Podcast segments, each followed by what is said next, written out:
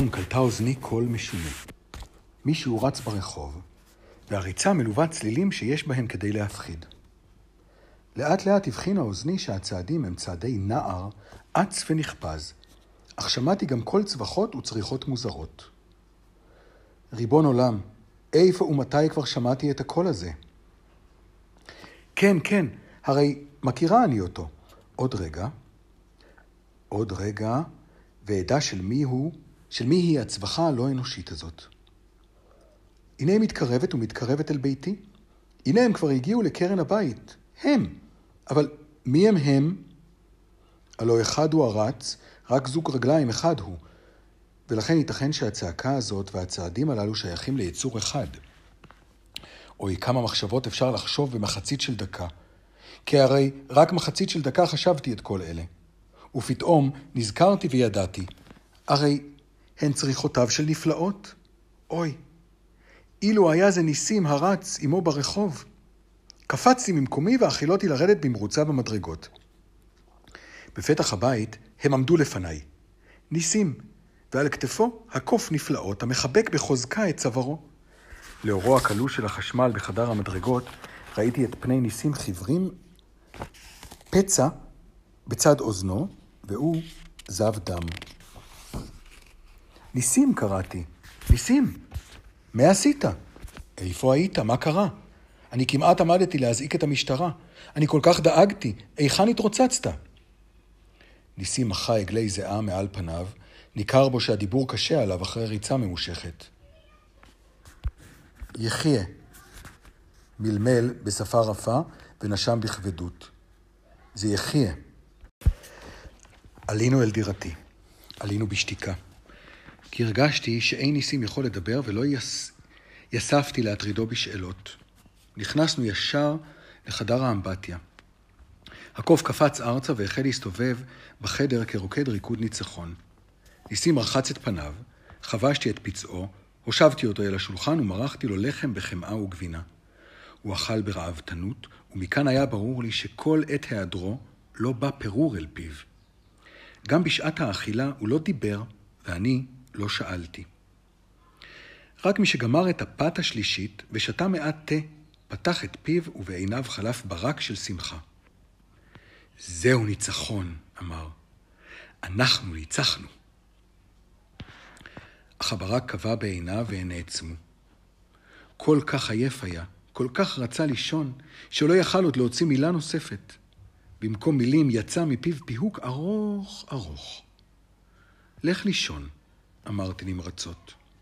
הוא קם, וברגליים כושלות הלך לחדרו. התפשט בחיפזון וכמעט צנח על המיטה. כשנכנסתי לחדר כעבור דקות אחדות, להיווכח שאומנם שכב ונרדם, כבר היה אחוז תרדמה עמוקה. הוא נשם נשימה מדודה של רווחה, ופיו חייך בחלומו חיוך של סיפוק רב. ונדמה לי שקראתי על מצחו כתובת בהירה של מילה אחת. ניצחון. למחרת היום לא נתעורר ניסים בבוקר כמנהגו. העייפות דרשה ממנו את שעות מנוחתה. אני הבינותי דבר זה ולא עוררתיו. אכלתי את ארוחת הבוקר שלי רק בחברתו של נפלאות, שהיה מחרקר סביבי ומכרסם את המנה הצמחונית שלו, גזר חי. אך לו יכל נפלאות לדבר, לו יכל לספר לי ולהסביר לי את פשר המעשה מאתמול, שמקצתו כבר ניחשתי, אך את עיקרו לא ידעתי. וכל כך רציתי לדעת, אך גם הפעם, כמו בפגישתנו הראשונה, לא יכולתי אלא להצטער על שאין הלשון האנושית שגורה אפילו בפיהם של יצורים אנושיים כל כך כמו קופים. ידעתי שהפרשה הזאת, מחיי נפלאות, תישאר סתומה לי עד שיקום ניסים. רק נתתי את דעתי על כך שעל תנועותיו הרגילות של הקוף נוספה עוד תנועה אחת. היה כאילו מיידה אבנים במישהו. כנראה חיכה תנועות של אנשים וילדים שראה אמש. סימן שקרב היה אמש. אך דבר זה היה ברור לי גם ממראהו של ניסים ומן הפצע שבצד אוזנו. ובכל זאת, מה היה שם? איך זה היה? מה היה המהלך של אותו קרב שנסתיים בניצחונו של ניסים? או אולי בניצחונם של ניסים ונפלאות? השאלות הללו הציקו לי מאוד. בכל זאת, הבלגתי על סקרנותי ועל קוצר רוחי, ומיד, כתום סעודתי הצנועה, הלכתי אל חנות הפרחים להודיע לבעלת החנות שניסים אינו יכול לבוא היום לעבודה. הוא חולה במקצת, אמרתי לה, כדי שלא לספר את כל סיפור היעדרו של ניסים ושל חרדתי אמש. ולעצם העניין, לא ידעתי אם אומרת אני אמת לאמיתה או לא. אינני אוהבת לשקר. אפילו כשאני מוכרחה. הלא, מוכרחים לפעמים. ניחמתי את עצמי בליבי שגם עייפות, וכל שכן פצע בצד האוזן, יכולים להיחשב כמחלה. אין דבר, אין דבר, השיבה לי מוכרת הפרחים החביבה. הוא כל כך מדייק תמיד במילוי חובותיו, שמגיע לו יום מנוחה באמצע השבוע. רק חבל שהוא חולה. מקווה אני שאין זו מחלה רצינית. לא, לא, הפתרתי, רק אינו מרגיש עצמו בטוב. כדאי לו להישאר יום או חצי יום במיטה. נו, שיהיה בריא, אמרה האישה. ואני כבר רציתי להיפרד וללכת, אך היא עצרתני. סלחי לי, לפני שאת הולכת, יש לי אלייך שני עניינים.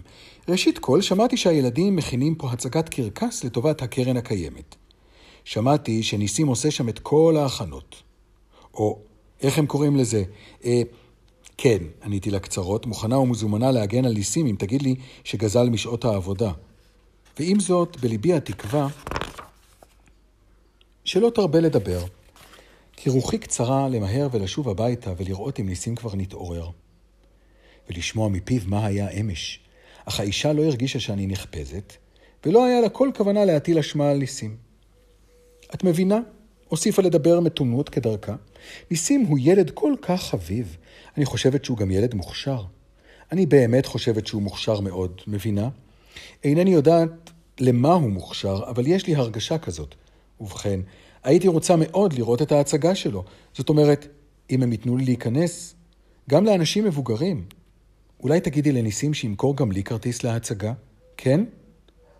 כן, הוא ישמח מאוד, עניתי. אגיד לו, כמובן. את מבינה, אני רוצה מאוד, ושלא ישכח אותי, שהוא בעצמו יזכיר לי, כי אני אה, לפעמים שוכחת. טוב, אמרתי ופניתי ללכת. רגע אחד, חזרה ועצרה אותי. אמרתי שיש לי עוד עניין. את מבינה? הרגל יש לה למוכרת הפרחים ללוות כל פסוק במילים "את מבינה?" ובכן, אתמול נכנס אליי אל החנות איש אחד, לא כל כך צעיר, זאת אומרת, גם לא זקן ביותר, את מבינה? הוא לא היה מעולם בשכונה שלנו. הוא אמר ששמו דוקטור מומברוש.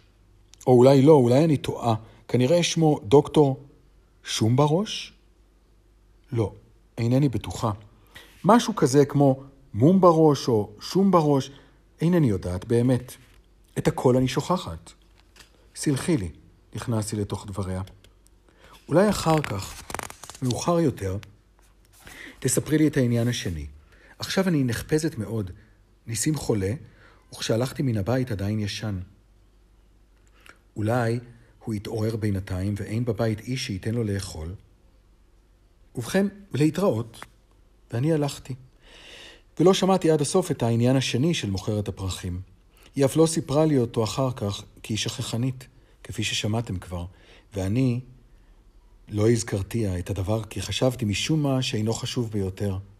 וכך, לא נודע לי אותה שעה מיהו אותו דוקטור מום בראש או שום בראש, ומה עניינו.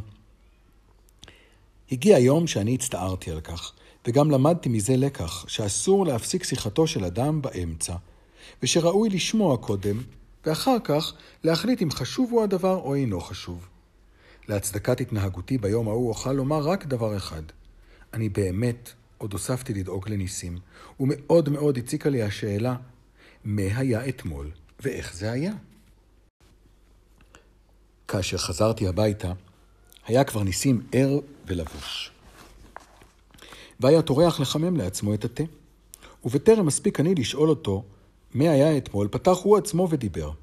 את יודעת, אני רוצה לספר לך מה היה אתמול. אני, אני אספר בקיצור, כי עליי כבר למהר לעבודה. בין כה וכה איחרתי. הרגעתי אותו באומרי כי היום הוא משוחרר מן העבודה, וכי יכולו לספר לי באריכות ובפרוטרוט. פרוטרוט ילדים זה אומר פרטי פרטים. אז ישב ניסים אל השולחן לשתות ולאכול.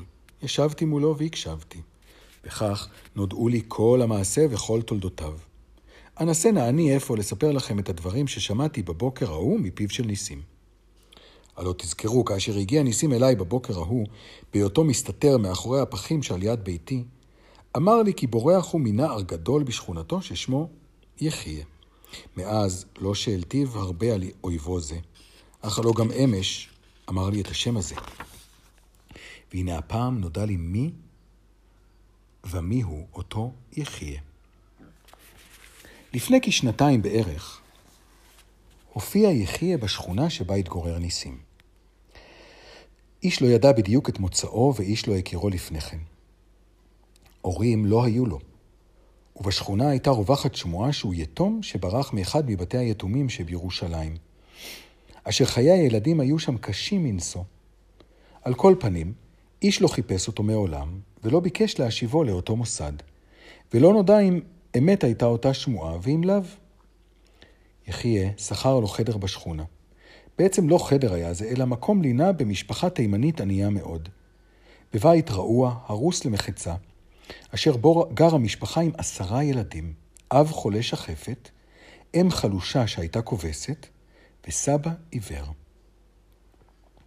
לזכותו של יחיה יש לומר, ועל דבר זה העיד לפניי גם ניסים, שהיה משלם את שכר הדירה שלו בקביעות. יתר על כן, היה אפילו עוזר לאותה משפחה בכסף, שהיה מצוי אצלו כמעט תמיד. מנין היה לו ליחיה כסף? על דבר זה היו ילדי השכונה תמהים, אך עד מהרה נודע להם מקור פרנסתו. כאשר הופיע יחיה לראשונה בשכונה, ראו עובר בסמטה בצעדים בטוחים, והוא מעשן סיגריה כמי שרגיל לעשן זה שנים. היה מעשן ויורק יריקות פעם בפעם. היריקות הללו לא יריקות סתם היו. הוא ידע לירוק כך שערוק מפיו היה עף למרחק גדול מאוד, בכוח של ירייה ממש. הדבר הזה עשה מיד רושם על שאר הילדים, ורבים רצו ללמוד ממנו את אופן היריקה המיוחד הזה. חיש מהר, הוא אסף סביבו קבוצה של ילדים קטנים יותר, ואמר להם שהוא ילמד אותם לירוק כך, וילמד אותם עוד הרבה דברים שרק הוא יודע אותם. וכאשר העיר לו ילד אחד, שלירוק לא יפה, ושמן הסתם גם דברים אחרים שהוא אומר ללמד את הילדים אינם דברים יפים, הרביץ לו יחיה, והשכיבו ארצה חיש מיד. נסתבר שהוא חזק מאוד, וגם דבר זה הרים את קרנו בעיני ילדים רבים. בו ביום נהיה הוא מנהיגה של קבוצה, לא קטנה מילדי השכונה ההיא, אשר הילדים רבים בה מאוד. כי כמעט בכל משפחה היו שם לכל הפחות חמישה בנים ובנות. לא עברו ימים רבים, ויחיה ארגן בשכונה חבורה שהחלה לעבוד איתו. או נכון יותר, בשבילו. חלק גדול מילדי שכונת העוני ההיא כבר היה עובד ומרוויח את לחמו. אחדים מכרו כמו ניסים שרוכי נעליים. אחדים היו עובדים בשוק ובחנויות. זאת אומרת, היו עומדים בשוק ובחנות ומחכים עד שתבוא איזו גברת לקנות הרבה מאוד מצרכים. וכשראו שהסל שלה כבד מאוד, היו מציעים לה להביא את סלה לביתה. הגברת הגדולה, בריאת הבשר, הייתה נותנת לילד בן שבע או שמונה, לעתים קרובות ילד חלש וכחוש, לסחוב בשבילה את סלה. סל מאוד מאוד כבד, עד לביתה, והייתה משלמת לסבל הקטן כמה פרוטות. אתם כולכם טיפשים, אמר יחיה. עובדים עבודה קשה ומרוויחים רק אצבע משולשת. לי יש עסק מצוין. מי שיעבוד איתי בעסק שלי, ירוויח הרבה הרבה כסף, וגם נעשה חיים. העסק של יחיה היה כזה. הוא היה שולח את הילדים לדוכני גזוז לקנות כוס גזוז או טופי בחצי פרוטה או פחות מזה, ותוך כדי כך לגנוב שם קופסת סיגריות או שתיים מן הסוג היקר ביותר. לעבודה זו היה שולח את הזריזים והממולחים ביותר מילדי השכונה. על אחרים הטיל תפקידים אחרים. אלה, בייחוד הילדים הקטנים, צריכים היו להתהלך ליד בתי הקפה ולאסוף קופסאות סיגריות אנגליות מהסוג היקר ביותר. קופסאות שהיו במצב טוב. יחיה עצמו היה קונה סיגריות זולות מאוד. היה ממלא את הקופסה היקרה בסיגריות הזולות האלה, והיה מדביק אותה כך שלא ניכר בה שהייתה כבר פתוחה פעם ומשומשת. את כל הסיגריות, גם הגנובות וגם הממולאות, היה מוכר בשני קיוסקים שהיה לו איזה קשר איתם, והיה פודה יום-יום סכום כסף גדול למדי.